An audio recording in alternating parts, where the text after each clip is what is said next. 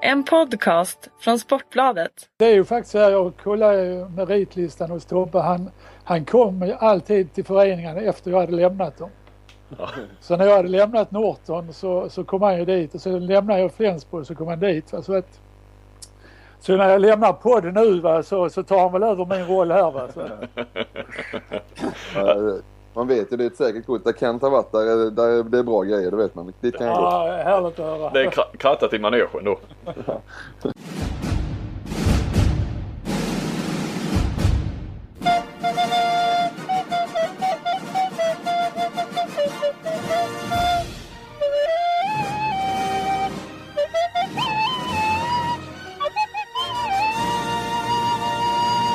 Tjoflyt som vi säger. Med risk för att eh, posten blir lite försenad i Ystad med omnejd så är Sportbladets handbollsboll tillbaka med ett nytt fräscht avsnitt. Och eh, denna podd, världens bästa handbollspodd som vi säger, eller hur Kentari? Jo, så är det väl. Så är det. Den görs ju numera i samarbete med Svenska handbollslandslaget AB. Eh, och de vill gärna passa på att påminna om att det finns biljetter kvar till de landskamper damerna spelar under sin EM-uppladdning i december. Så vill ni se världsmästarna Brasilien möta Sverige så är det den 2 december i Göteborg som gäller. Eller den 4 december i eh, min hemstad faktiskt, Helsingborg. Ja, det är första gången vi har en sponsor eller samarbetspartner. Eh, och det kommer vi väl ha nu eh, hela den här säsongen i tanken. Kan kanske låta märkligt eh, att man har eh, Svenska handbollslandslaget AB som alltså är det bolaget som kan man säga driver eh, landslagsverksamheten och även eh, de här nu arrangemangen av EM och hemma-EM och hemma, ja för damer och hemma-EM för herrar. Eh, kanske lite märkligt. Jag vill eh, förklara och försvara det lite. Det är egentligen inte konstigare än att fotbollstidningen Offsides podd görs till exempel i samarbete med Svensk Elitfotboll. Eller att handbolls och fotbollsförbunden eh, annonserar i olika dagstidningar. Eller för den delen att vi på Sportbladet och Svenska Fotbollförbundet har ett mycket nära samarbete på marknadssidan sedan, sedan flera år, många år. Eh, nu blir det väl lite så i en podd att det kan låta kanske lite mer integrerat än när det ligger en, en eh, annons för en landskamp i en tidning bredvid en artikel. Men eh, i och med att jag sitter och, och säger det på det här viset som jag gjorde i inledningen. Men det är ju så det funkar i poddvärlden. Och eh, ja, jag och vi kan lova dyrt och heligt och se till att hålla isär det marknadsmässiga och det journalistiska. Vi kommer inte att tveka i fortsättningen heller att kritisera landslagen när det är befogat eller vända på stenar och dra fram grejer som kanske inte förbundet och svensk landslagshandboll hade önskat skulle avslöjas. Men eh, det lovar vi i varje fall. Eh, låt oss börja direkt och kolla om det finns vilka skelett i garderoben som landslagets lagkapten Tobias Karlsson kan tänkas ha. Eller, eller inte kanske. Välkommen till podden Tobbe. Tack så mycket. Brukar du lyssna på den? Eh, ja, Samvetsfråga. Ja, nej, jo, det, jag har hör- hört en del avsnitt. Jag har lyssnat inte slaviskt kan jag inte säga. Men, eh, men jag, har, jag har hört en, en del avsnitt. Har hört. Härligt. Eh, ja, det passar ju bra att ha Tobbe som gäst. Inte för att vi har börjat bli sponsrade av eh, Eh, landslagsbolaget utan snarare för att det är samling nästa vecka. Två EM-kvalmatcher. Lettland hemma, Slovakien borta. Och sen har vi väl Slovenien också i gruppen. Vad säger du Tobbe? Seger mot Slovakien borta då här nu i nästa vecka eller om det är på måndagen där, eller veckan därpå. Så har ni väl kopplat greppet direkt om, om en och två platser till EM. Ja, alltså vi har ju Lettland hemma först på torsdag nästa vecka. Ja. Eh, och sen Slovakien borta på lördagen direkt efter. Det är ju redan på lördag. Jag vet inte vad jag fick Ja. måndag ifrån. Ehm, alltså två, två segrar där så ser det ju bra ut. Det får man ju säga. Eh, det blir ju... mm, Ja, vi förutspår väl att, att eh, vi ska slåss med Slovenien om första platsen i gruppen. Det, det hoppas och tror vi att vi ska ha kapacitet att klara av. Ja. Eh, det är ju betydligt lättare att kvala till ett EM än till ett VM och det kommer väl bli ännu lättare sen när EM utökas med antalet lag då lagom till hemma-EM. Då behöver vi i och för sig inte kvala ens. Men, eh, är det för stor skillnad på något vis? Det, jag tänker på VM som har playoff som kan vara jäkligt lurigt. Det har vi ju sett några gånger. Ja, precis. Ja, det är lite, alltså det är framförallt är det nyckfullt just för att det bara är två matcher på en vecka liksom och sen så, så avgörs hela alltet på den biten där om man nu inte har kvalificerat sig sedan tidigare. Um, när det är ett gruppspel som EM-kvalet så blir det ju alltid lite mer, eh, det dras ut över längre tid och man har lite fler, fler matcher på sig så att säga. Ja. Så att det, det, blir ju lite, oftast lite rättvisare. Ja, ja. Du, eh, din polare Lukas Karlsson, eller ja, ni är ju polare allihop i landslaget, men ni har ju en, en lång historia tillsammans. Kommer tillbaka till Nyköping då, för det är väl där matchen mot Lettland spelas på torsdag va? Ja, precis.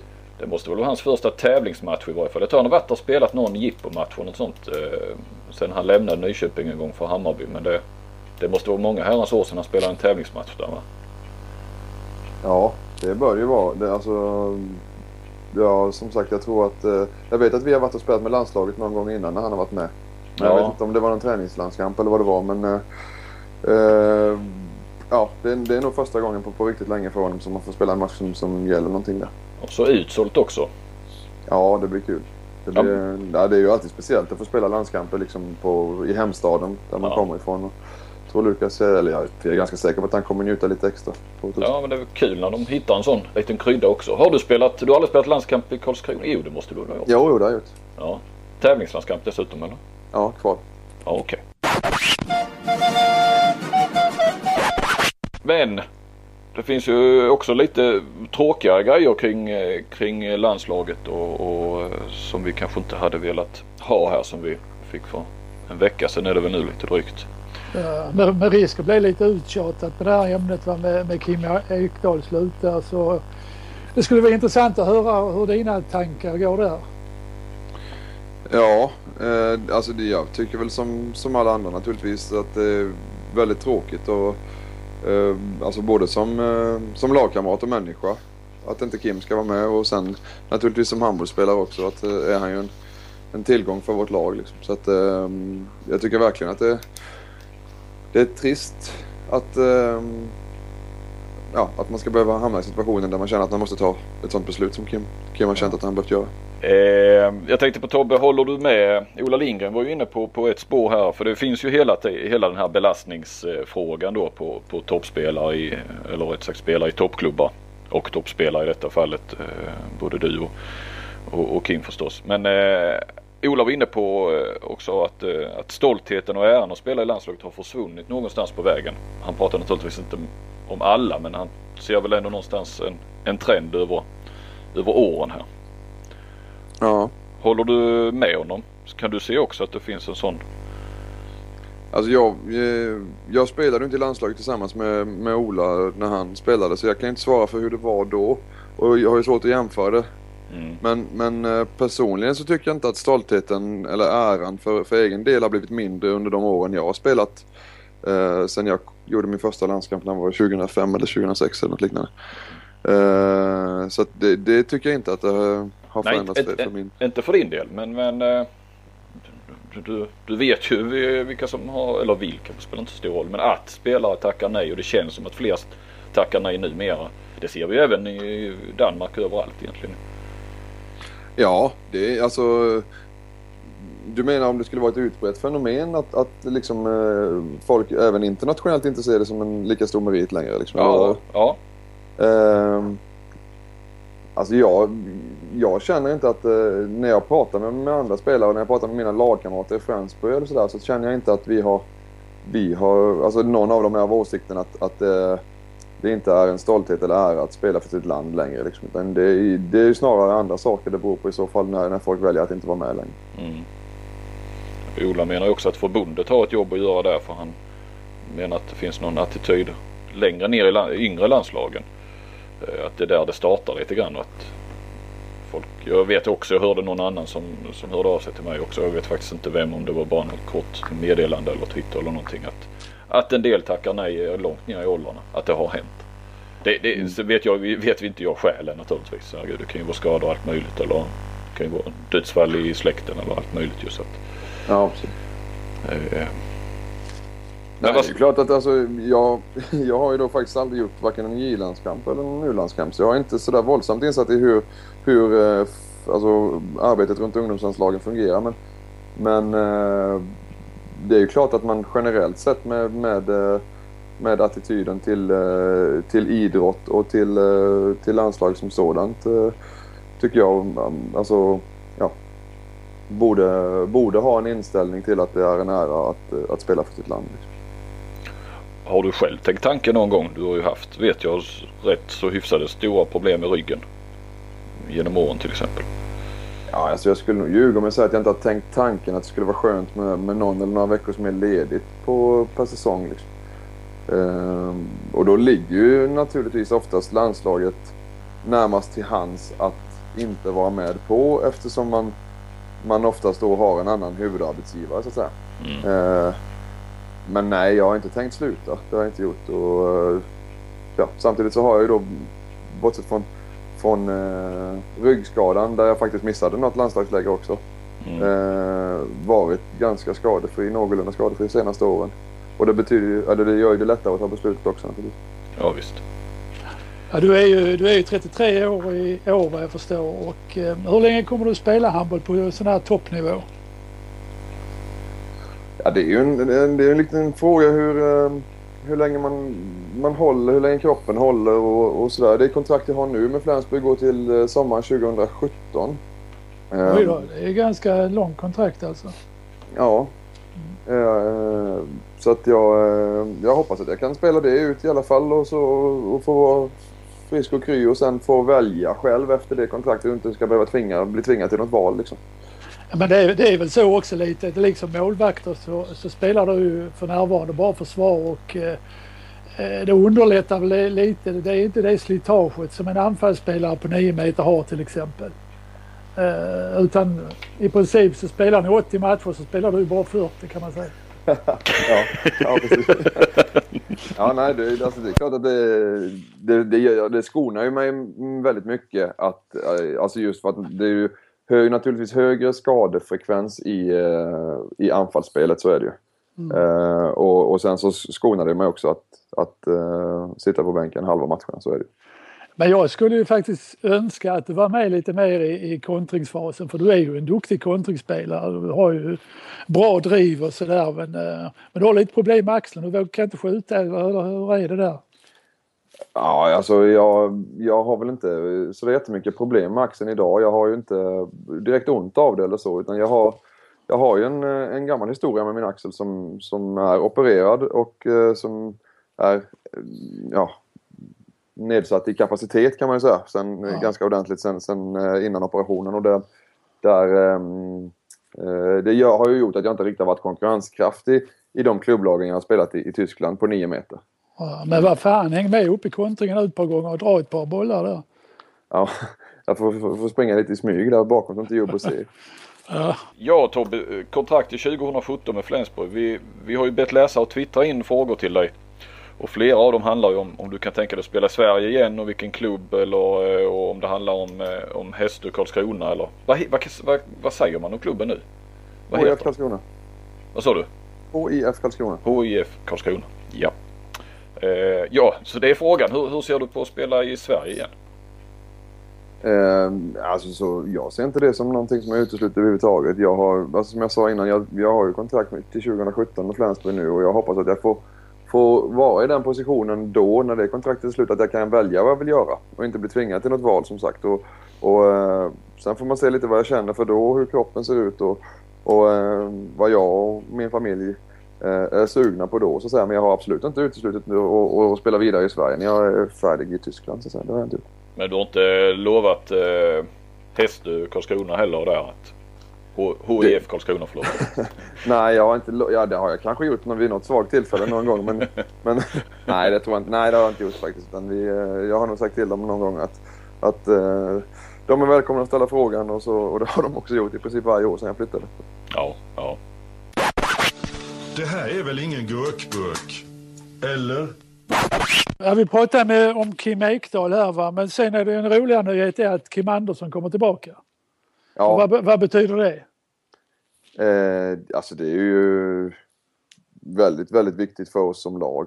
Det, han är en, en, en enormt duktig handbollsspelare och en, en uh, stor spelare för, för svensk handboll och för, för hela eh, landslaget som sådant. Han har ju, alltså det betyder ju väldigt mycket när han är med, inte bara på bara för oss och för vårt spel utan han drar med sig en stor respekt hos uh, motståndarna och ett stort fokus från deras sida också. Så att, Um, det ger ju alltid lite utrymme åt alla andra också.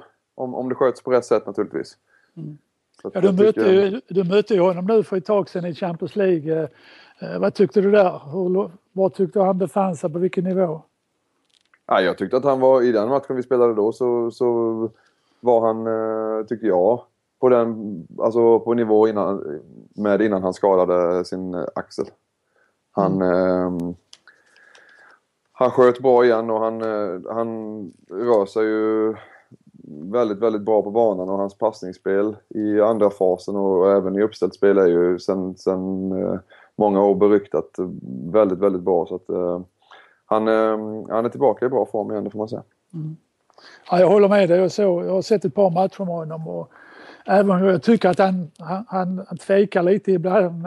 Det är inte skottet som är första alternativet längre för honom utan ibland så söker han väldigt mycket andra alternativ innan han skjuter och då kan det många gånger vara för sent. Ja. Men det har väl lite med lite matchutträning också att göra. Plus att jag tror att han har kanske lite känning i, i vissa situationer. Ja, det, alltså det är ju ofta så när man har haft en sån, sån ja, typ av skada ja. att, att det, liksom, det försvinner ju inte fullständigt. Eh, utan det kan ju säkert kom, göra så att det kommer att gå lite grann de där problemen som man har haft. Så att, eh, det, det kan nog ligga någonting i det du säger. Har ni gurkburk hemma? Ja, men du nämns ju ofta som den som har bäst fysik i landslaget. Är det så att du tränar mest och du tränar bäst också? Är det så? Oj du, ja, det där är en, en rätt svår fråga att svara på sådär. Jag vet inte, det, när man inte vet riktigt hur alla andra tränar så vet man inte om man tränar bäst eller mest eller ja, sådär. Men om, om, du jämför med dem du spelar tillsammans med i Flensburg? Mm, jag tror inte att jag tränar mest idag längre. Eh, I alla fall, det gör jag inte. Utan jag har... Eh, jag, jag tränade nog eh, mest, eller bland de mesta tillsammans med, med en grupp andra. när jag, alltså under antal år när jag kom och spelade i Hammarby.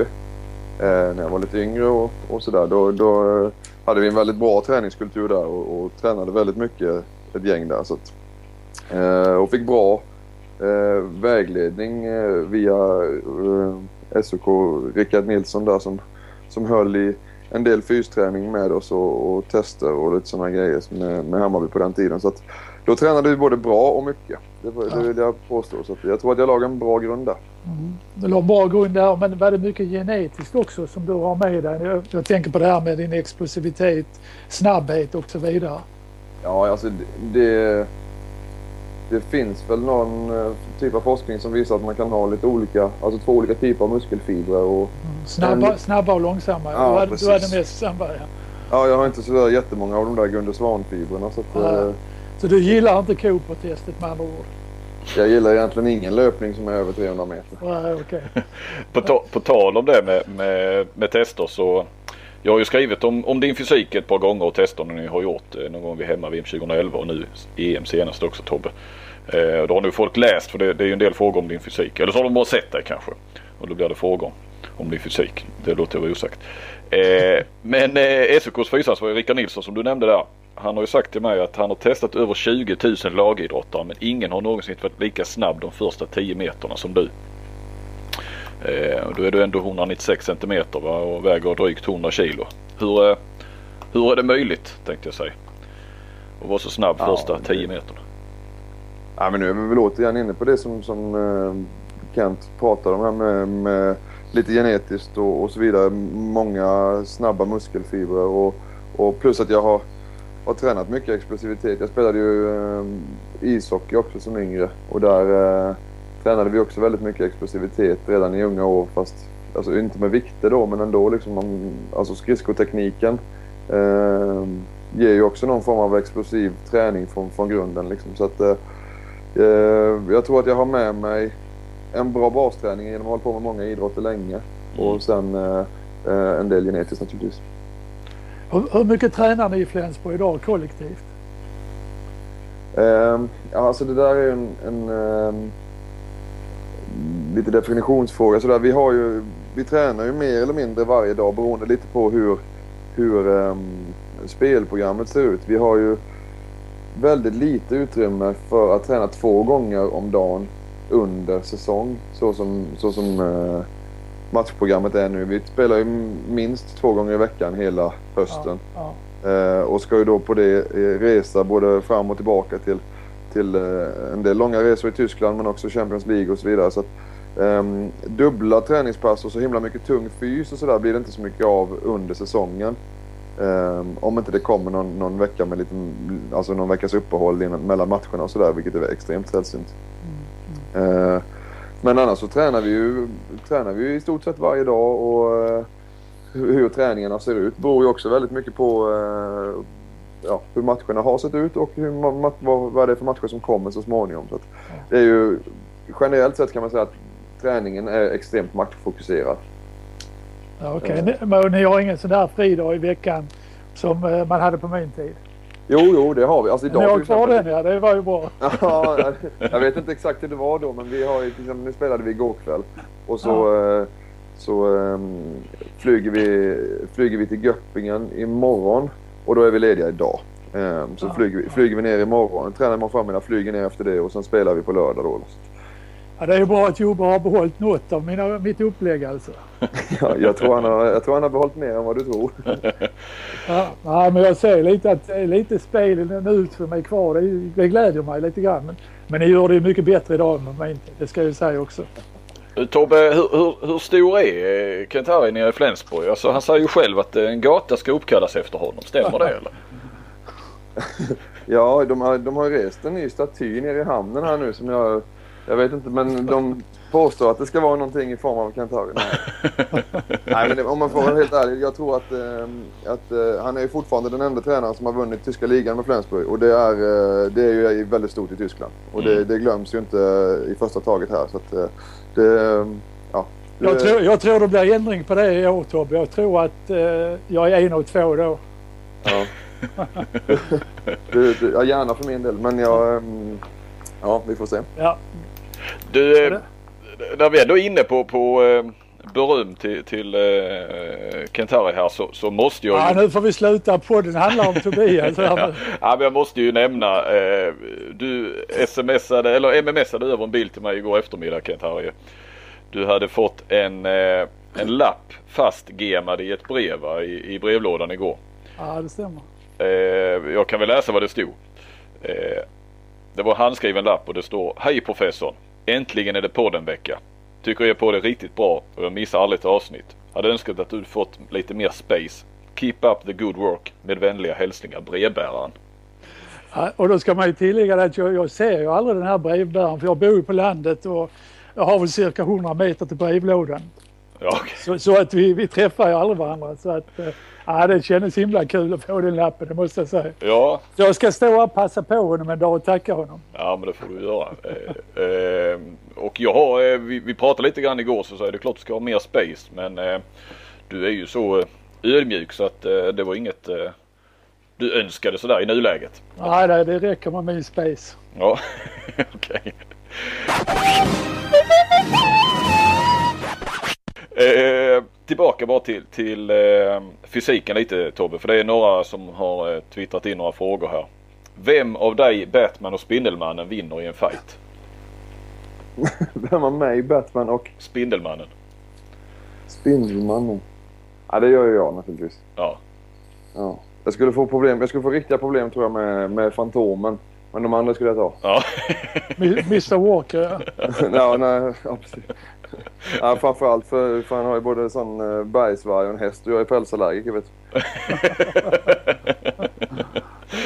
det, och sen undrar de ju också, de vill ha personbästa i till exempel bänkpress, knäböj. Vad har du tagit som mest? Ehm, ja, i knäböj har jag satt 190 kilo som mest i, som, i de här um, SOKs eh, tester så att säga. Den, med dem, den typen av djupa knäböj som man gör där. Hur långt går ni Eh, då? Går ni liksom Ja, det, det är ju lite beroende på vem som är testansvarig. Men, men eh, det, alltså, det säger ju... Alltså testregelverket säger ju att ovansidan av låret ska vara Ja. eh, våg, vågrätt med golvet. Ja, precis. Eh, och i knä, eller vad säger jag, i bänkpress tror jag väl har tagit eh, 135 någonting. Det har ju riktigt, aldrig riktigt varit min grej efter axeloperationen. Nej, det är klart. Sen, sen frågar de efter vad du har sprungit milen också på, men det är kanske inte så mycket att hänga i julgranen eller? Nej, Det, det, Nej, vi nog över timmen eller? 96 minuter. Nej, vi, jag tror att vi, vi gjorde ju aldrig några tester på milen på det sättet. Så jag har ingen tid så, det har jag inte. Men, men jag skulle inte påstå att det vore eh, något bra resultat oavsett. Jag har aldrig varit någon långlöpare. Du, är- du är både, lagkapten både i landslaget och i Flensburg. Hur, hur skiljer sig de uppgifterna du har från de båda ställena? Eh, De skiljer sig väl ganska, ganska ordentligt vill jag påstå. Jag tycker att, eh, att vara, alltså i, i Flensburg så ser ju vardagen eh, lite annorlunda ut med tanke på att vi har ju vi har sex veckors försäsong oftast eh, till att bygga ihop ett lag och träna ihop oss och, och svetsa oss samman och, och få in allt nytt folk och alltihopa. Och sen har vi ett helt år på oss och, och ytterligare bättra på det här lite grann hela vägen. I ett landslag så är det ju eh, in, in på måndagen Eh, en, det kan vara ett, ett helt nytt gäng jämfört med förra samlingen och så, så, så har du tre dagar på dig så ska du leverera på torsdagen. Som nu när vi kommer till, till kvalet då och sen så eh, en resdag och sen ska vi spela igen på, på lördagen och sen så åker folk hem på söndag.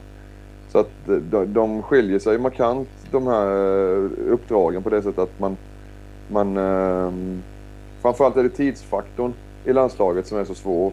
Att, eh, att det finns ju så lite tid att, att bygga upp någon någon form av, av eh, lagverksamhet på det sättet och, och att få ut eh, så mycket som möjligt av, av folket. Att hinna lära känna folk för, för att få ut så mycket som möjligt av dem. Så. Du fick, Ja. du fick höja bucklan. Det måste varit ett stort ögonblick som lagkapten. Jag tänker på Champions League i våras, Tobbe. Eh, vad, är det, vad är det största ögonblicket de där dagarna? Alltså från, från ja.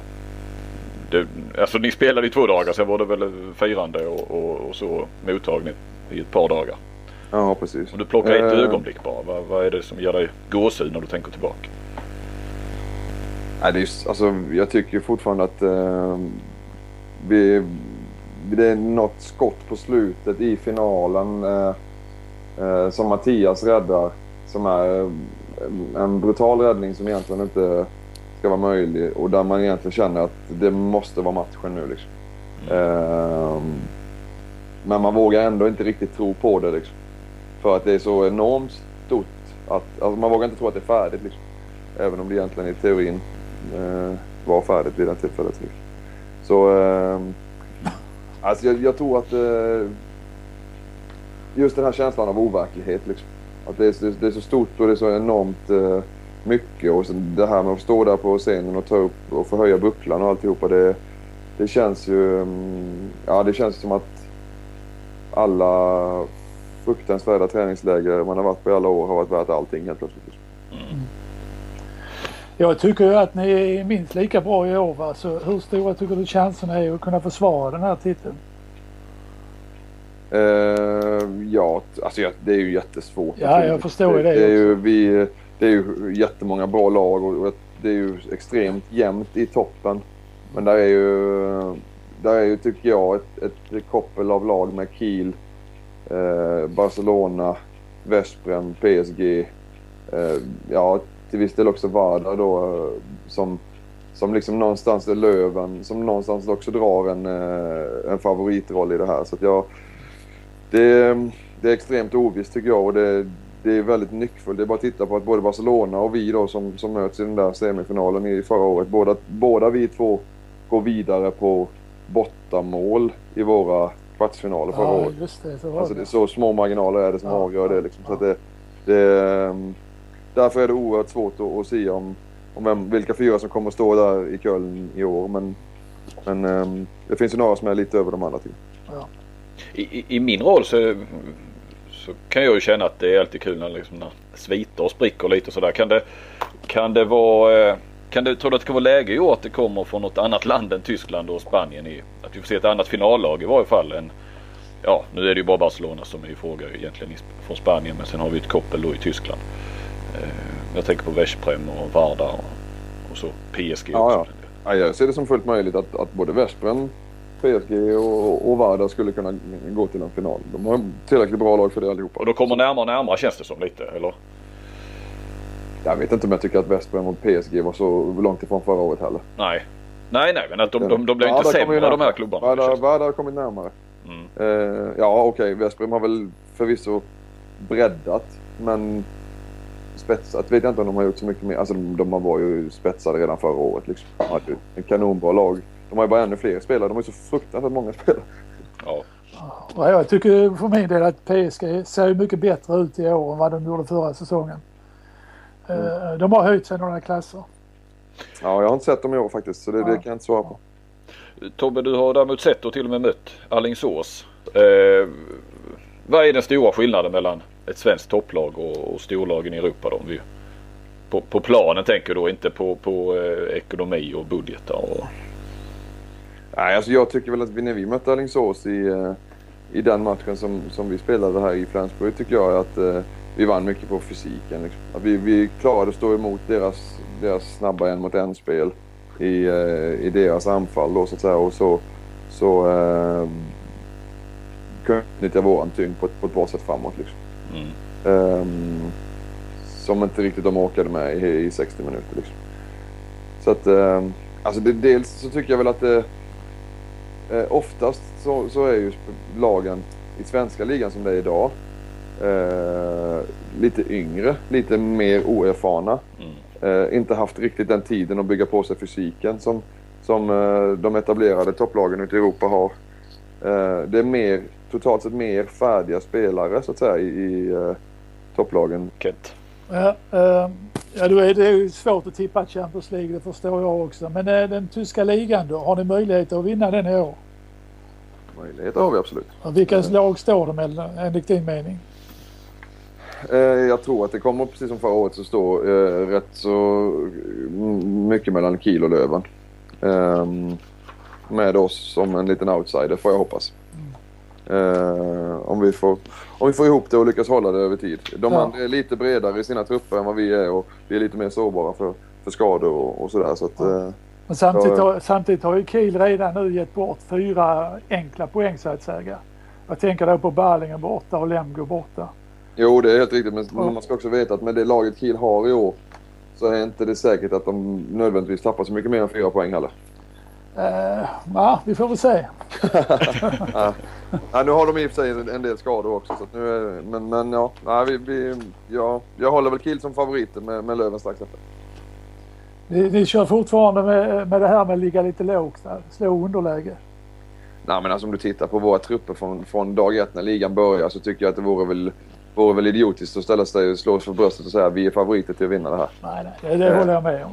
Men hur mycket saknar ni Jim Gottfridsson nu i de här dagarna? Han var ju inne där en match mot Magdeburg. Jag tyckte han gjorde riktigt bra där. Och sen var han borta igen. Ja, han har ju extrem otur med sin fot där så det väl, det är synd om honom. Är det. Är, det, är det samma fot som han har fått eh, det är skadan samma, igen? ja, det är samma fot men, det, men det, det är ett nytt brott eller vad man ska kalla det Okej, för. okej, jag förstår. Men ehm, ja, jag skulle säga att vi saknar honom mycket. Ja, det, Alltså, han- det, det tycker jag också. Jag tycker att han har, eh, han har haft en himla fin utveckling i Flensburg. Ja, extremt bra. Han, eh, hela hans kurva förra året var spikrakt uppåt och Ja, hans spelstil passar ju jättebra i Jubbos modell liksom. Så att, eh, eh, han, han utvecklade sig relativt snabbt till en viktig spelare för oss och vi, Ja. vi saknar honom mycket. Tycker jag. ja, ja, jag förstår det. Men nu möter ni Göppingen, på, är det på söndag, lördag eller söndag? Lördag. Lördag samtidigt som eh, Rhein Eckerlöven möter Kiel. Så Ja. Mm. det, är, det är två toppmatcher i ligan då. Eh, Magnus har ju fått en bra start där. Ja. Eh, har, du, har du sett dem något, Göppingen? För det är ju en tuff match för er också. Eh, jag har sett honom lite grann, ja. Det, Ja. det har jag gjort. Jag tycker definitivt att han har fått en, en bra start och de, de har ju ett bra lag sen innan och, och för vår del är det ju sen, sen många år en, en erkänt tuff bortamatch liksom. Men var det inte så att ni spelade oavgjort hemma mot dem förra året också? Var det inte så? Nej, nej, vi vann hemma och spelade oavgjort borta. Alltså var det kanske. Det var det kanske. Eh, men det, ja, nej alltså Magnus han har justerat lite grann på deras spel jämfört med hur de har spelat tidigare år. Ja, ja. Och fått, eh, fått väldigt bra effekt på, på de justeringarna de har gjort. Så att jag tycker att de har fått, eh, fått en kanonstart så här då. ja. Kan, kan, man, kan, man, kan man se att eh, Magnus Andersson som tränar dem i år, så är det justeringar som man eh, på något vis kan koppla till hur han... Ja, du ser inte det men vi, jag och Kent kan se det. Precis! Ja men jag, jag bara... Nu får ni briljera här. Jo, nej, jag, jag har faktiskt inte sett Göppingen i år så det, det ska bli spännande att se dem. jo, nej men det tycker jag man kan se. Det, det, det är ett par, par ändringar som är, ändå är, eh, är eh, ja, märkbara. Men de nämner du inte här några dagar före match. Ja, om du släpper podden efter matchen så kan jag... Nej då, den ska ut så snabbt som möjligt. Ja. Nu hoppar jag lite grann här va, och frågar dig vad ska du göra efter karriären då? För den tar ju slut en dag. Ja, om det, den gör om det är 2017 eller 2020 så, så är det så.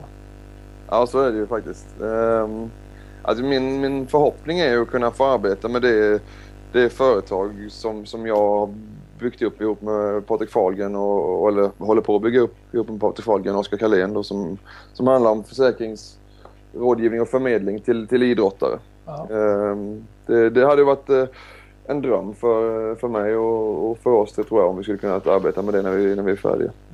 Jag måste sticka bara mellan Kent och ursäkta om jag avbryter det där. Men hur, hur är din relation just nu med Patrik Fahlgren skulle du säga? Den är, ja, den är aningen frostig för tillfället. Ja, ni slog hans Melsungen igår ja, i kuppen va? Ja. Och, och, och sen då eh, som sagt så ha- har ju folk noterat på Twitter att vi ska eh, ha dig som gäst och eh, han drog ju en fråga igår kväll. Fråga Tobias om han ångrar sitt skandalösa uttalande på sin blogg den 15 spelaren och kanske om han tänkt be om ursäkt. Eh, ja du jämförde väl, du hade både Fahlgren och Oskar Karlén som grannar och skulle skriva lite om dem och eh, det skrev eh, Oskar som en väldigt initiativrik människa medan Fahlgren var mer av en sengångare. Ja. Eh, eh, Det tog jäkla skruv på, på Twitter här. Va? Eh, Apelgren gick ju in och, och menade eh, Mik, eh, Micke Apelgren uppe i Norge då. Eh, Johan Sjöstrand eh, skriver bedrövligt påhopp. Alltid tyckt Tobbe varit en reko kille men usch vilken besvikelse. Eh, Sjöstrand då som ju normalt bara twittrar om, om eh, trav. Det säger ju en del om vad, hur viktigt han tycker detta var. Lukas Karlsson också som verkar eh, svika dig, gå bakom ryggen. Vad hände med den goa Tobias Karlsson? Känns jobbigt det här. Eh, Emil Berggren är ju inte sen då förstås i vanlig ordning. Eh, och han, han, han påstår att han har hört att det har blivit mindre sprickor i landslaget. Eh, ja. Ja, det är en, Eh, ehm, Gottfridsson var inne och, och favoritmarkerade också en del eh, av det här va. Så att, eh, ja. Ja. ja, vi får ta upp det här på nästa styrelsemöte. men ni har kanske någonting att ta upp i landslaget eller? Ja, ja det, vi kan ta upp det där också. Ja, nej, jag tror att han, ehm, han, han blev lite missnöjd Fahlgren med att jag inte nämnde att han var delaktig i, eh, i uh, Nytt i handbollssajten. Han, jo. eh, han kände sig lite, lite bortglömd där för en stund. Ja, ja. Han vill ha Så lite. jag, ja, han, han, eh, han vill ha lite cred där. Så att, eh, det var väl i bitterhetens bussresa tillbaka till Mälsungen igår kväll som detta eskalerade då. Men nu fick du ju, nu fick han ju med det här istället då.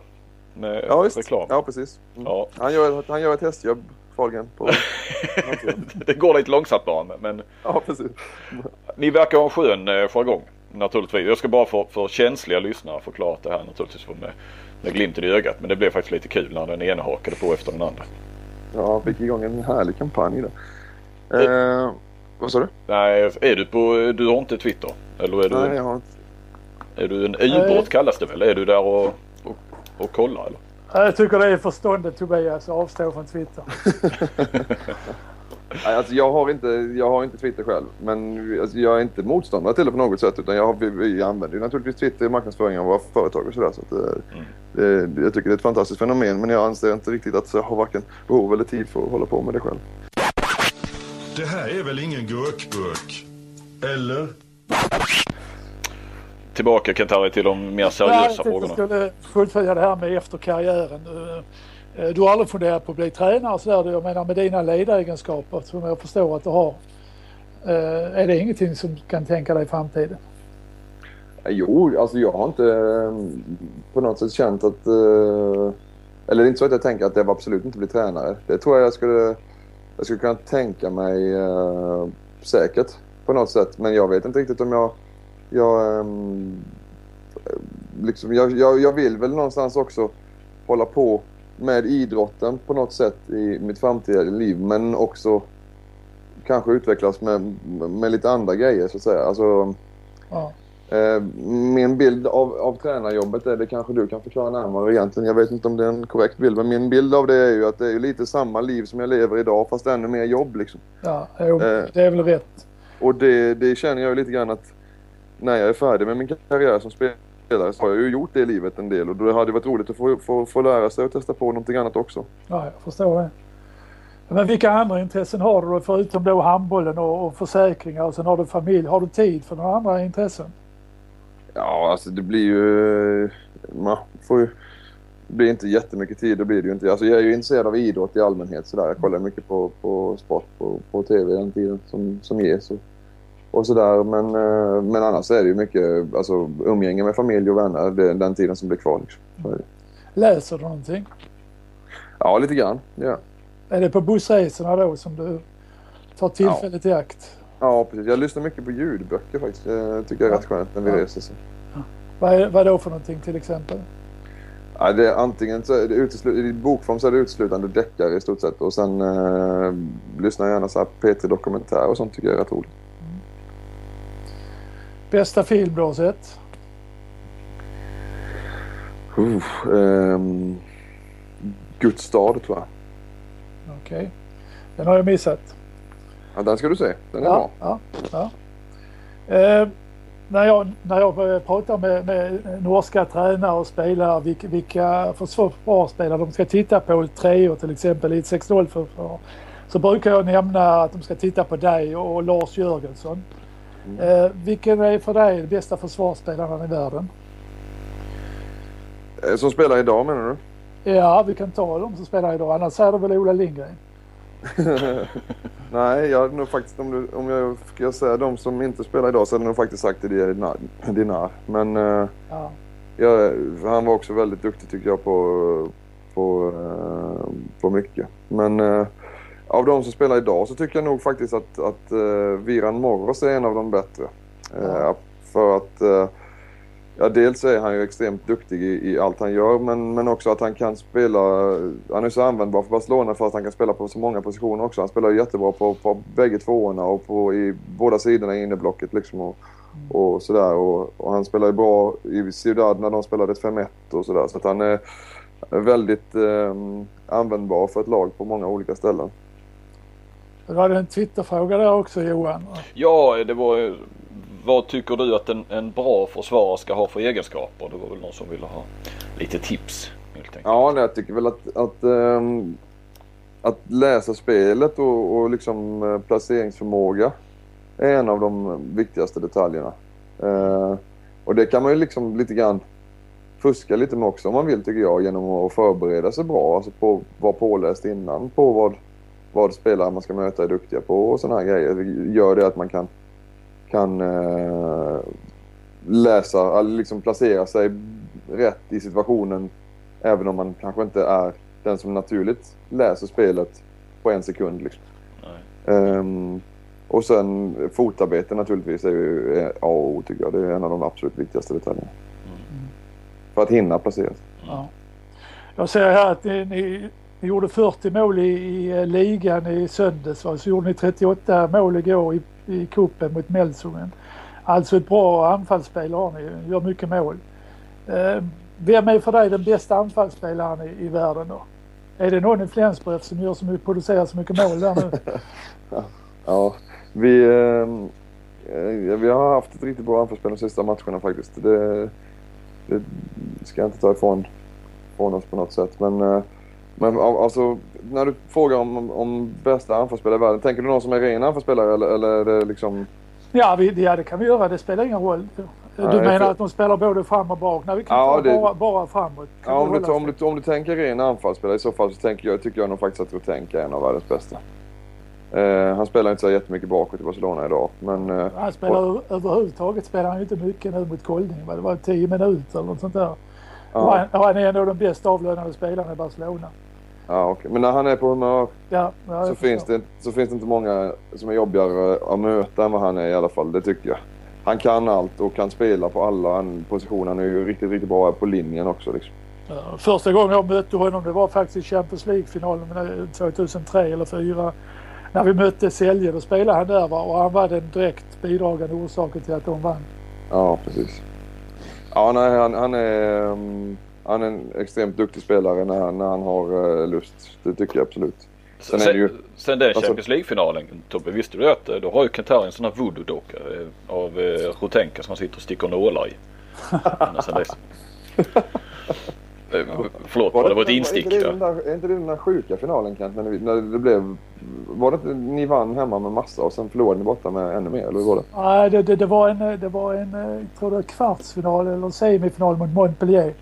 Ja, var det det? Okej. Ja, ja. Ja. Nej, det här, den här matchen så... Eh, vi förlorade sex borta och vann fyra hemma. Ja, okej. Ja. Eh, vi har pratat om anfallsspelare och försvarsspelare. Eh, nu- tror jag nästan jag vet vem du svarar. Vem är den bästa målvakten i världen då? Ehm, för stunden? Ehm, eller? Ja. Vad tänker du? För stunden ja. Ja, alltså jag, ehm, jag har ju under, under senaste åren eller senare eh, åren sedan jag kom till Tyskland och, och sen jag var med i landslaget så där, alltid tyckt att Omeyer har varit en, en fantastiskt duktig målvakt och, och, och varit jämnt bra väldigt länge liksom och, och han har haft en bra förmåga och, och vara bäst när det gäller. ja. Men jag, alltså jag tycker nog ändå att, eh, måste ändå säga att jag tycker att Mattias har haft en extremt hög nivå alltså sista, sista åren också och att han, eh, att han är inte långt bakom där alltså, eller om Nej, inte... det tänkte jag visste att du skulle svara dig. För ni är väl goda kompisar ni två? Ja, det är vi Nej, men jag håller med dig. Mattias- jag, men jag tycker, ja. jag tycker att han har, han har haft en, eh, en hög nivå, det måste jag säga, oavsett om vi är bra vänner eller inte. Ja, jag håller med dig. Och, och framförallt tycker jag ni två har ett himla fint samarbete. Eh, när det gäller block, rätt hörna och så vidare.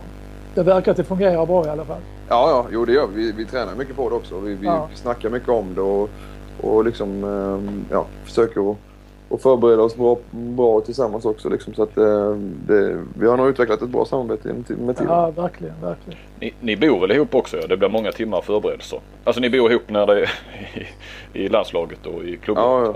ja, inte privat så, men Nej. när vi re, reser gör vi det. Ja, så det är rätt. Gå lite utanför tillbaka, utanför handbollen igen. eh, Så eh, Tobbe, du är ambassadör för Eurogames som är väl den största... Eh, ja, vad är det för något? Vad det är för någonting? Ja, den tävlingen. Eller den eh, arrangemanget. Eh, ja, det är ju en, eh, en idrotts, ett idrottsarrangemang för alla möjliga typer av eh, idrottsgrenar egentligen. Ja. Där, eh, där man egentligen har ambitionen om att öppna, eh, öppna dörren för men inte stänga ut någon. Alltså öppna dörren för, för eh, hela, hela den hbtq-världen som, som eh, har, jag ska väl inte säga varit, eh, varit stängd, utestängd i andra, men, men inte belyst på det sättet i, i andra idrottssammanhang. Eh, men, men därmed inte stängt dörren för några andra eh, människor så att säga, utan den- det är en, en, eh, en, ett idrottsevenemang som är öppet för verkligen alla. Hur kan det vara att du har blivit? Hur kommer det sig att du är ambassadör för det? då? Eh, jag, fick, jag blev kontaktad av Eurogames och, och frågade och fick få förfrågan om jag ville, jag kunde tänka mig att ställa upp och ville vara ambassadör för det här. Och eh, tyckte naturligtvis att det var en kanongrej och, och vill gärna vara med och, och bidra till att, ska, att de ska kunna få framgångsrika spel för, eh, för, ja, för alla som vill vara med på det. Mm, mm. Ja, det där är ju också en stor fråga och vad- hur, hur eh, med eh, homosexualiteten inom eh, elitidrotten och, och så. Men den tänker vi inte fördjupa oss i nu. Har ni gurkburk hemma? Om vi bara glider över lite grann på, på damerna. Vi har ju fått kritik för att vi har alldeles för lite damhandboll i, i såväl podd som i, i min blogg och ja, i alla våra kanaler. Så, eh, det är ju ett ständigt dåligt samvete det där. Eh, jag har försökt förklara eh, i, i bloggen här i, det var väl i förra veckan lite hur, varför det ser ut som det gör sådär. va. Men det kommer att bli mer damhandboll naturligtvis närmare EM i december. Då blir det riktigt mycket igen. Eh, följer du damhandboll någonting Tobbe? Um, ja, alltså inte dagligdags på klubbnivå gör jag inte det, men jag kollar ju när vi, när, alltså när damlandslaget spelar och, och, jag och det passar mot eget program så, där, så kollar jag givetvis det. Mm. Eh, damernas Champions League drog igång i, i helgen som gick och jag skrev en del om det där och noterade att det känns som att Västeuropa, om man nu ska göra den uppdelningen, Västeuropa tappar mot Östeuropa. Eh, jag kollar lite bakåt i tiden. Antalet lag från öst har nog varit ungefär de samma. Det är ungefär hälften, hälften från Öst och Västeuropa. Eh, av de där 16 då som, som startar i turneringen. Och, och sen även om man kommer fram till kvarts och semifinaler. Men den här säsongen känns det som att öst nu kommer att dominera mer än, än tidigare. De är ju nio från start och från början och eh, jag skulle inte förvåna mig om de kanske är en fem, sex stycken och åtta kvartsfinallag. Eh, Var går gränsen? Mellan väst och? Nej men jag drar ju den gamla järnridån. Eh, du kör den ja, okej. Okay. Ja. Eh, så att Ungern i Östeuropa, ja nu är mer hela Tyskland, Västeuropa, Polen, Östeuropa. Eh, den är kanske inte självklar längre. Det kanske... Nej, jag, jag, jag ställde bara frågor. Jag vet inte. Alltså, det är svårt att... Alltså de här... Ja, jag tänker väldigt geografiskt. Länderna, De här alltså. länderna blir ju mer och mer utvecklade. Jag menar ett land som Slovenien till exempel. Det är inte långt efter alltså, det som, som i din kategori heter Västeuropa då liksom. Nej, nej. Att, uh, nej. Jag vet inte var, var, var gränsen går längre. Eller är det så? Jag tycker inte den är så solklar. Nej, det är helt rätt. Nej, jag, jag drar väl då geografiskt så att säga. Den gamla geografiska. Men sen, sen är det ju klart att sen bygger ju den då i sin tur på, en, på någon sorts eh, ja, både kultur och politik och allt det där. Gamla kommunist så. Så att det är helt befogad eh, fråga Tobbe.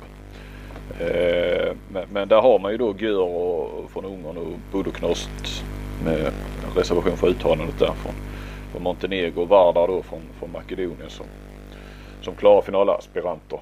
Sen har vi ju Rumänien, där satsar de ju eh, också. Bajamari heter det laget som satsar mycket. Och, och sen har vi Volgograd från Ryssland. Och. Så, men det känns just att eh, pengarna har förflyttats lite inom damhandbollen och kanske inte ännu inom herrhandbollen. Men, men vi ser ju också där vad Vardar och Veszprem och, och de här. Det är ju onekligen måste vara rätt mycket pengarna som, som lockar en del spelarna. Eh, för ligorna är ju inte alltid så starka. Eh, kontra... Nej, jag såg nu. Jag tittade häromdagen. Jag såg att Veszprem till exempel har fullständigt stigit ur det ungerska mästerskapet nu. Och de är inte ens med i, i ungerska ligan längre. Nej, de kör ju den här Balkanligan eller vad man ska säga. Eh, ja, precis. Så de möter ju Vardar. Hur fungerar det i kvalet till Champions League då? Liksom? Alltså, om man inte vinner sin inhemska liga, hur blir man direktkvalificerad till Champions League då? Nej. Eh, precis. Vet du det Kent? Nej, det, nej det, men det är en intressant fråga. Det har jag faktiskt inte tänkt på. Eller de är kanske automatiskt kvalificerade varje år. Jag vet inte. Ja, ja precis. Ja, via någon annan verksamhet. Ja. ja, och nu görs ju hela Champions League om här. Formatet ju också. Så det, det finns ju mycket frågor kring ja. det där. Ja, definitivt. Eh, ja.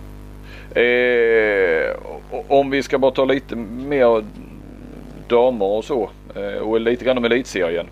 Eh, det är ju ännu tidigt på säsongen va? men det ser ju ut som att eh, det är H65 och Lugi som gör upp om den ena platsen i, SM-finalen. Den andra vet vi vilka som tar den. Eh, just nu ser H16 lite starkare ut och besegrat Lugi borta. Gjorde de häromdagen. Inför 1200 åskådare, en fin publiksiffra. Det är mer än vad herrarna har i, i Lund. Ja, men det var lite så. Men bara ändå något som jag måste nämna också som är lite häftigt. Som nästan mer imponerande siffra på damsidan än, än eh, Lug H65 då. Uppe i Boden Eh, där verkar det ju råda lite damhandbollsfeber. Boden Handboll IF heter de. Det finns ju Bodens BK också tror jag. De toppar damallsvenskan och hade 967 åskådare i semifinalen senast mot Kärra då. Och man snittar eh, cirka 800. Eh, rätt hyfsat. Och lite kul att det händer lite uppe i Norrland också. Det här är väl ingen gurkburk? Eller? Nej, jag vet inte. Champions League rullar ju på. Han har spelat fyra omgångar och eh, eh Grupp A toppar ju PSG. De har inte tappat någon match. Nu möter man ju Kiel eh, i nästa omgång och det, blir en jätteintressant match att titta på. Eh, Kiel ligger då tvåa på sex poäng. Och sen i Grupp B eh, där är det Kolding och Barcelona som toppar och Flensburg på tredje plats. Och där Flensburg vann med 27-20 borta mot Besiktas. Men du Tobbe, 11-11 i paus. Eh, var det kvar i planet där eller vad hände där? Nej, vi började ju matchen riktigt bra. Vi gick iväg till 7-2 eller något sånt där, tror jag. Eller 7-3 eller någonting efter 12-13 minuter. Och sen så sen stannade vi där.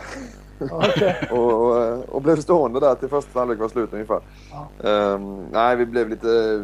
Vi fick en lite för bra start som det kan bli ibland och så blev vi lite bekväma och sen så, så tror jag vi hade lite känslan av att den här matchen var nog mer eller mindre klar där. Så Ja. att ehm, det blev...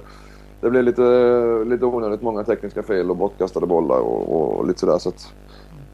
Vi fick eh, kriga på hela andra halvlek med för att få matchen i hamn.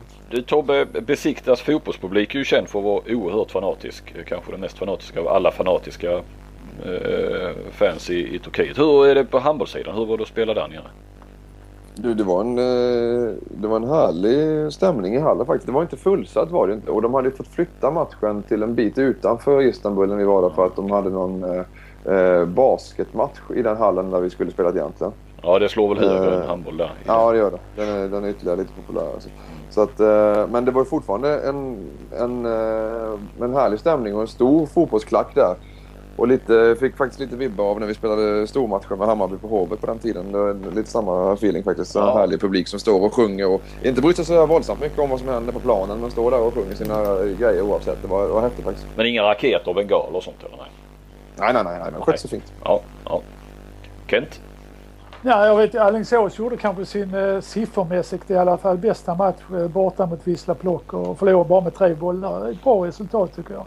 Ju, måste sticka in Jesper Konradsson 10 mål va? Ja, jag såg det. va, va Tobbe du som har mött honom eh, och, och, och sådär. Det, hans, eh, hans längd pratas det om ibland va? Att han, att han inte, att han inte är, är Det är tillräckligt. fantastiskt tycker jag att, att, att, att man kan prata om det när man har, bor i ett land där Jobbo har spelat i landslaget i jag vet inte hur många år. Nej.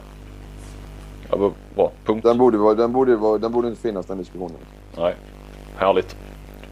Nej, Kent? jag, jag, ja, jag vet, vi behöver inte nämna mycket mer i Champions League nu. Vi låter det rulla på. Kolding Barcelona har vi varit inne på. eh, 27-27. Eh, Så att eh, om vi ska titta lite på elitserien. eh, Så haltar det lite grann. Va? Det är li- lite mer intressant att titta på hur många minuspoäng och hur många eh, poäng de har förlorat. Så, så är ju Alingsås och Lugi toppar där. De har tappat tre poäng. Och sen kommer då eh, Kristianstad och Ystad därefter. De har tappat fyra poäng. Eh, den här veckan har jag faktiskt sett Sävehof eh, i två matcher. Dels mötte de ett reservbetonat Kristianstad i början på veckan och igår spelade man mot Hammarby. Och eh, ja, jag måste säga att eh, jag är lite besviken på Sävehof. Jag vet att man har högre ambitioner än så och eh, matchen mot Kristianstad tycker jag man bör vinna med, med det laget Kristianstad har. Och, eh, förra säsongen så vann man med nio mål tror jag hemma. Och matchen igår mot Hammarby det var riktigt urusel handboll i, i första halvlek speciellt.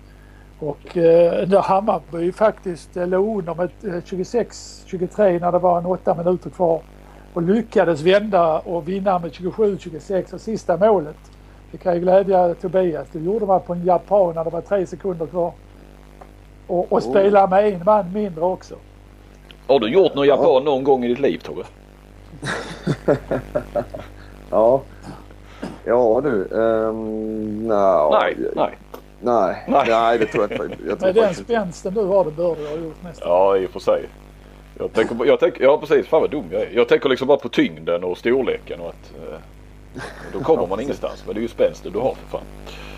Ja. Men om jag ska fortsätta lite med Sävehof alltså, så har, har man ju trott väldigt mycket på det här laget man har nu och man gjorde inga värvningar inför den här säsongen. Men, men jag, måste, jag måste säga att jag är tveksam om det här kommer att räcka till en ny, eh, nya SM-guld. Jag ser till exempel för tillfället ingen utveckling hos eh, Ni- Niklas Fingren. Som då ansågs kanske vara den största talangen för ett par år sedan han spelade i Arenäs. Eh, Även när man gjorde en bra match igår, sex mål, så tycker jag han har stått stilla. Och så kanske då också om man tittar på Erik Forsell Schäfert som, som för ett par år sedan bankade på porten till landslaget. Vad har hänt där? Eh, Peter Johannesson i mål, en jättetalang som säkert kommer att bli en, eh, en landslagsmålvakt om en 5-6 år. Men han har aldrig ett för stort ansvar idag. Han, han blir ju aldrig utbytt. Och jag tycker att han svajar ja, från bra räddningar till, till riktigt dåliga och så vidare. Så att i mitt råd där till, till Sävehof det är nog att man ska ta hem eh, Per Sandström kanske. Eller kanske Palicka nästa år. Jag tror inte han har kontrakt i Kiel. Eh, Jag tror man måste göra någonting och kanske gå ut och värva någon, någon 9 spelare också. Om man ska vara med och slåss riktigt. För att jag är som sagt tveksam till det här laget som man, man har idag. Mm. Och så kan jag väl säga om nu, om nu Sävehof har varit en besvikelse hittills så har ju då Ystad däremot överraskat. Och nu Jaha. pratar jag om ett Ystad igen. Ja, Men, det jag. Ja. och jag tror att alla håller med mig och är överens om det. Va? Jag menar, vinner man mot Kristianstad hemma och, och mot svenska mästarna borta så, så visar det klassen då. ja, absolut. Och där, där kan man ju säga att man har ju fått två väldigt fina nyförvärv. Eh, Anders Persson. Jag har ju inte sett honom så mycket för att när jag var när han spelade i Sverige så var jag i Tyskland och sen flyttade jag hem och då var han i Tyskland så jag har faktiskt inte sett honom så mycket. Jag har träffat honom på stan någon gång och han är ju, han är ju väldigt stor alltså. Man får ju respekt bara man tittar på honom.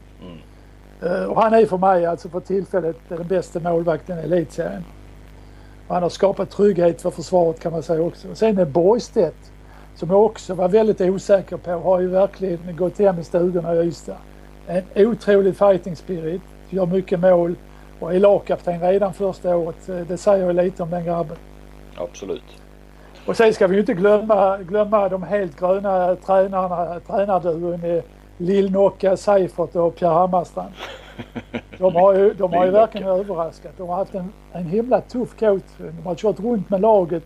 De har satt en stjärna som Ibsen på bänken och, och så vidare. Och nu spelar man utan eh, Martin Berger till exempel, mittsexan, eh, mot Alingsås. Men det, man märkte ju inte det därför att de andra hade fått chansen under, under andra matchen av säsongen gick Herman Hugosson in och gjorde jättebra ifrån sig. Så att eh, de har överraskat. Ikväll möter man då Rico. Ja, Och nu, nu får man ju visa om man verkligen klarar av att vara storfavoriter också. Men, men jag tror de gör det. Har ni gurkburk hemma? nog om elitserien. Hur ser det publiktrend ut i, i Bundesliga Tobbe? Vad, eh, ligger det stilla? Går det upp? Alltså generellt? Eh, Jag har faktiskt inte riktigt eh, hundra koll på, på just eh, siffrorna som sånt. Men känslan är ju att, eh, att det är ganska stabilt, tycker jag. Eh, De, eh, de lagen på den övre halvan har ju, har ju klart mer än, än resten. Liksom. De, ju- de står ju för den största delen av publiken, så är det ju. Eh, Men, men jag tycker ändå att, eh, nu vet inte jag för att det, om det är för att jag har turen att spela med ett med Flensburg då som, som eh, det ofta, men känslan är att det ofta är fullt i hallarna när vi kommer runt omkring. Sen är de lite olika stora naturligtvis. Men, men, eh, men att det är välbesökt tycker jag. Hur, och själva har ni fullt alltid i princip? Ni, vad tar ni? Fem och fem någonting eller vad är det? Nej, vi, det tar väl sex och, alltså hallen tar väl sex och två någonting. tror Ja, jag. tror det är 6 och 2. Ja, och vi har väl ett snitt på fem och sju någonting tror jag. Så vi har, Men eh, vi har i princip fullt på, eh, på eh, alla matcher i ligan. Eh, Jag så- såg, jag såg igår var det väl inte fullt i, då spelade ni cupen. Det var inte riktigt fullt då va? Nej, precis. Det var det inte. Och likadant har vi haft lite problem att få fullt också i Champions-matcherna. Ehm, de le- alltså, lever ju mycket i Tyskland under den här kulturen att, eh, med säsongskort. Så vi har haft, eh, säljer väldigt mycket biljetter redan innan säsongen och sen så, så eh, har de lite svårare med det här lösa biljettsäljet då till, till enstaka matcher eh, som, som när nu kuppen kom igår då och sådär. Så att, eh, och framförallt när den kommer som den gjorde nu. Vi har haft flera hemmamatcher på, på kort tid och har haft väldigt mycket matcher i oktober överhuvudtaget. Så att, mm. Jag, jag tänkte nog den 30 möter ni Kolding i Champions League va? 30 november tror jag det är en bit fram. ja, det kan nog stämma. För då är det så att ni spelar och, och samma dag spelar Kiel mot Gummersbach. Men den ena matchen, jag vet inte vilken som är vilken. Den ena ligger vid halv fyra och den andra vid sju. Så det borde man väl kunna klämma in båda där. Jag tyckte göra det som någon grej där. Alltså rent i jobbet. Ja, ska du ta med din eh, po- poddkompanjon då? Ja, jag tänkte faktiskt fråga det. Jag har inte, jag har inte nämnt det för dig. Men jag tänkte Ja, det. ja, det ställer jag upp på. Ja. Eh, Eventuellt stannar vi ju kvar en eh, natt i så fall och så gör jag lite Ja. intervjuer eh, efteråt med, för det är mycket svenskar då där som man skulle kunna åkt och, och snackat Kan du, med. kan du passa på att fota Kent Harrys staty också? Ja, precis. Föreviga den. Ja. Ja, men jag har faktiskt, vi fick sånt där handavtryck gjorde vi på Rådhuset när, när vi vann då. Så det, det finns säkert kvar. Ja, ja, ja, ja det är väl i, ja, i cement tycker jag. Så det kan du fota. Ja. Alltså det blir kul att sitta i någon sån här VIP-loge med dig då Kantar, i din VIP-loge där. Eh, nog om det. Ska vi, vi har ju momentet ha, eh, hatten kvar här. Och eh, förra gången så drog vi Ola Lindgren.